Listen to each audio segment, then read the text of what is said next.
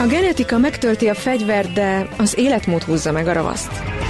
Millás reggeli. Na nézzük akkor, hogy mivel Hát nézzük. Fogla... Hát mit, mit Már szeretnél ha van nézni? mit? A szélerőműveket, ugye? Azt ugye nem nézzük, mert nem nagyon épülnek, de hát majd változik hát, ha a helyzet. Megbeszéljük, eh, hogy mi állat a háttérben Losonci Gézával, a KPMG Associate partnerével. Jó reggelt kívánunk!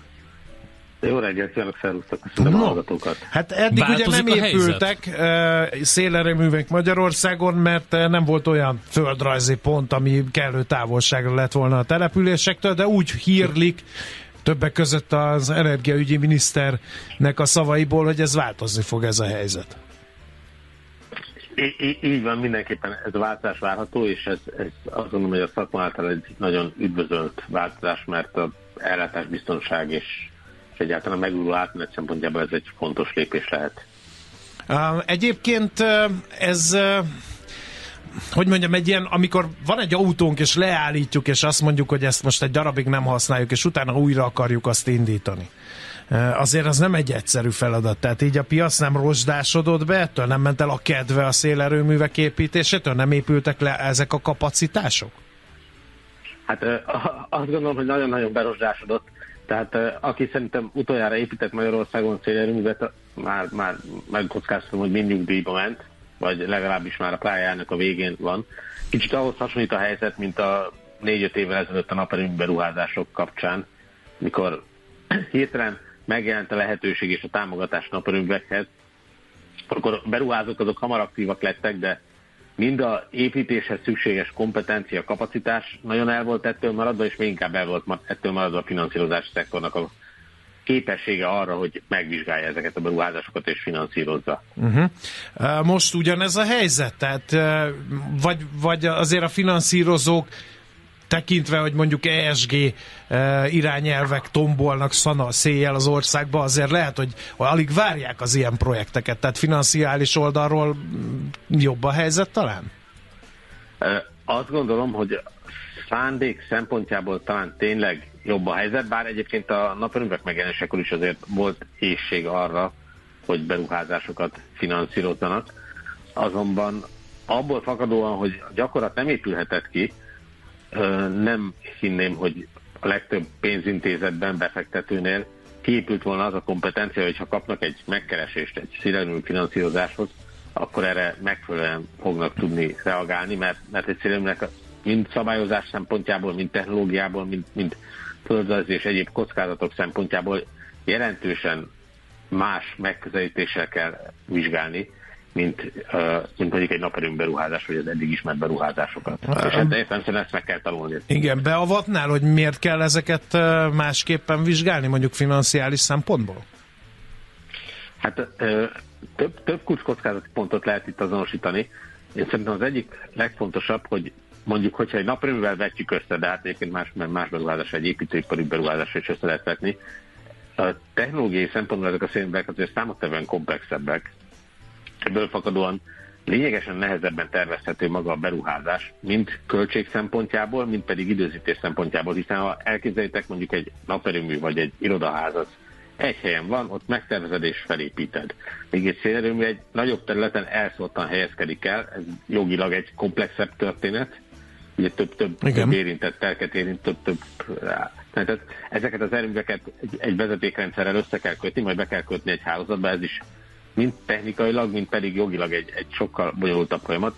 Emiatt a, mintha a beruházási költséget nézzük, mint pedig a beruházásnak a időbeni megvalósulását, illetve a kapcsolódó jogi kockázatokat, akkor biztos, hogy, hogy egy edukáltabban és, és, és megfontoltabban kell eljárni, mint egy, uh-huh. egy, egy helyen levő beruházás kapcsán.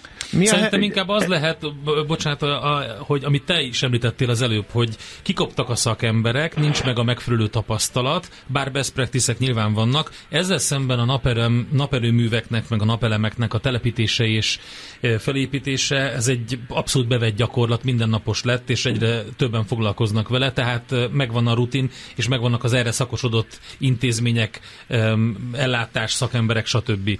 Szóval, hogy ezért lehet nehéz, és önmagában szerintem maga a technológia, az oké, okay, lehet, hogy bizonyos szempontból bonyolultabb, más szempontból nyilván egyszerűbb, csak hogy nincs meg ez a tudás. Hát ez a lényeg, tehát az biztos, hogy globálisan vagy nemzetközi szinten ez a tudás létezik, és ezt be is lehet hozni, de hogyha egy akkora boommal tervezünk, már mint, mint a naperőművek kezdetében volt, akkor, akkor itt hirtelen annyi szakemberre lesz szükség, uh-huh. Hogy nem lehet majd ezt megtalálni a magyarországi piacon. Illetve azt gondolom, kiindulva a korábbi tapasztalatokból azért a finanszírozóknak az elvárása, hogy saját maguknak a tudása is megkeretkezzen erre, hiszen nem lehet mindent kívülről megvásárolni, és, és saját maguknak fel kell készülni erre. Úgyhogy például nem, nem régen hallottam egy történetet, Horvátországban építettek egy egész hatalmas célparkot, bár ott az adottságok azért mások, de nem megfelelően csinálták meg a célmérést. Hm.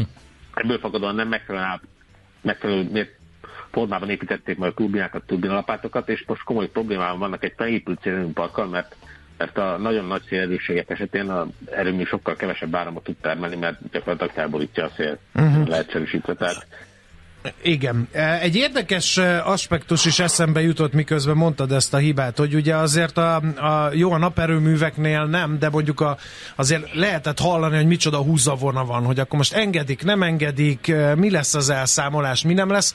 Ez ilyen jogbizonytalanságot jelent. Ilyenkor azért nem, tudom, hogy az alternatív energiákba beruházók nem gondolnak erre, hogy oké, okay, én most elég sok pénzt belakok egy ilyen szélerőműve, ami eddig tiltott volt, majd most majd engedik. Ki tudja, hogyha majd megint átfordul ez a dolog, akkor megint engedik-e? Mennyire van biztosítva hosszú távon az, hogy én mennyiért fogom tudni eladni az általam termelt áramot, és a többi, és a többi?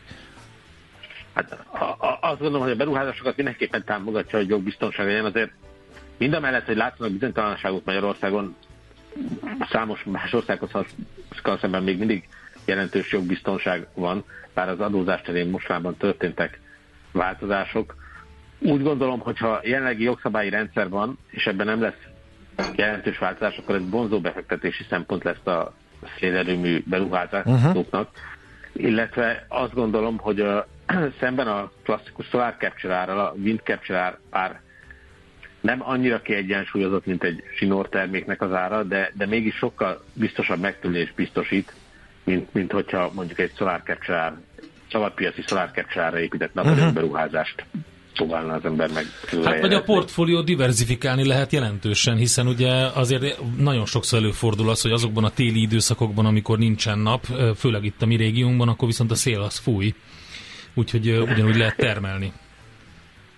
Igen, ez egyébként egy sláger téma, és, és érdekes mondom, Magyarországon nem jelent még meg, de már külföldön egyre inkább megjelennek ezek az úgynevezett hibrid erőművek, amikor ugye egy, egy nagy nehézség Közép-Európában, Magyarországon is a csatlakozási pontnak a hozzáférése is. Hogyha ugye egy erőműnek már, egy naperőműnek mondjuk van már egy csatlakozási pontja, és történetesen ott fújaszél és az adottságok megvannak, akkor össze lehet kötni ugyanahoz a csatlakozási ponthoz a naperőművet és a szélerőművet, és ö, nagyjából nem, kevés az, az az időszak, amikor egyszerre fúj a szél és egyszerre süt a nap.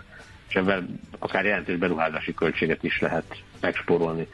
Egyébként ezzel kapcsolatban csak egy megjegyzendő, hogy nemrég jelent meg a energiámat a nemrég hosszú nyilvánosságra új csatlakozási díjakról szóló rendeletet, ami azt gondolom, hogy előremutató, és az is támogatja új beruházásoknak a megjelenését, és ez is növeli a biztonságot. Oké, okay, ez nagyon szépen köszönjük. Figyelni fogjuk magát ezt az egész folyamatot, és hogy egyáltalán milyen erők mozdulnak meg szélerőmű kapcsán. Köszönjük az információkat, érdekes beszélgetés volt. Köszönöm szépen, hogy hívtatok. Szép napot! Losonci Gézával, a KPMG Associate partnerével beszélgettünk arról, hogy 2010 óta nem épültek szélerőművek Magyarországon, befagytak a projekt előkészületek, de hogy milyen jövő körvonalazódik.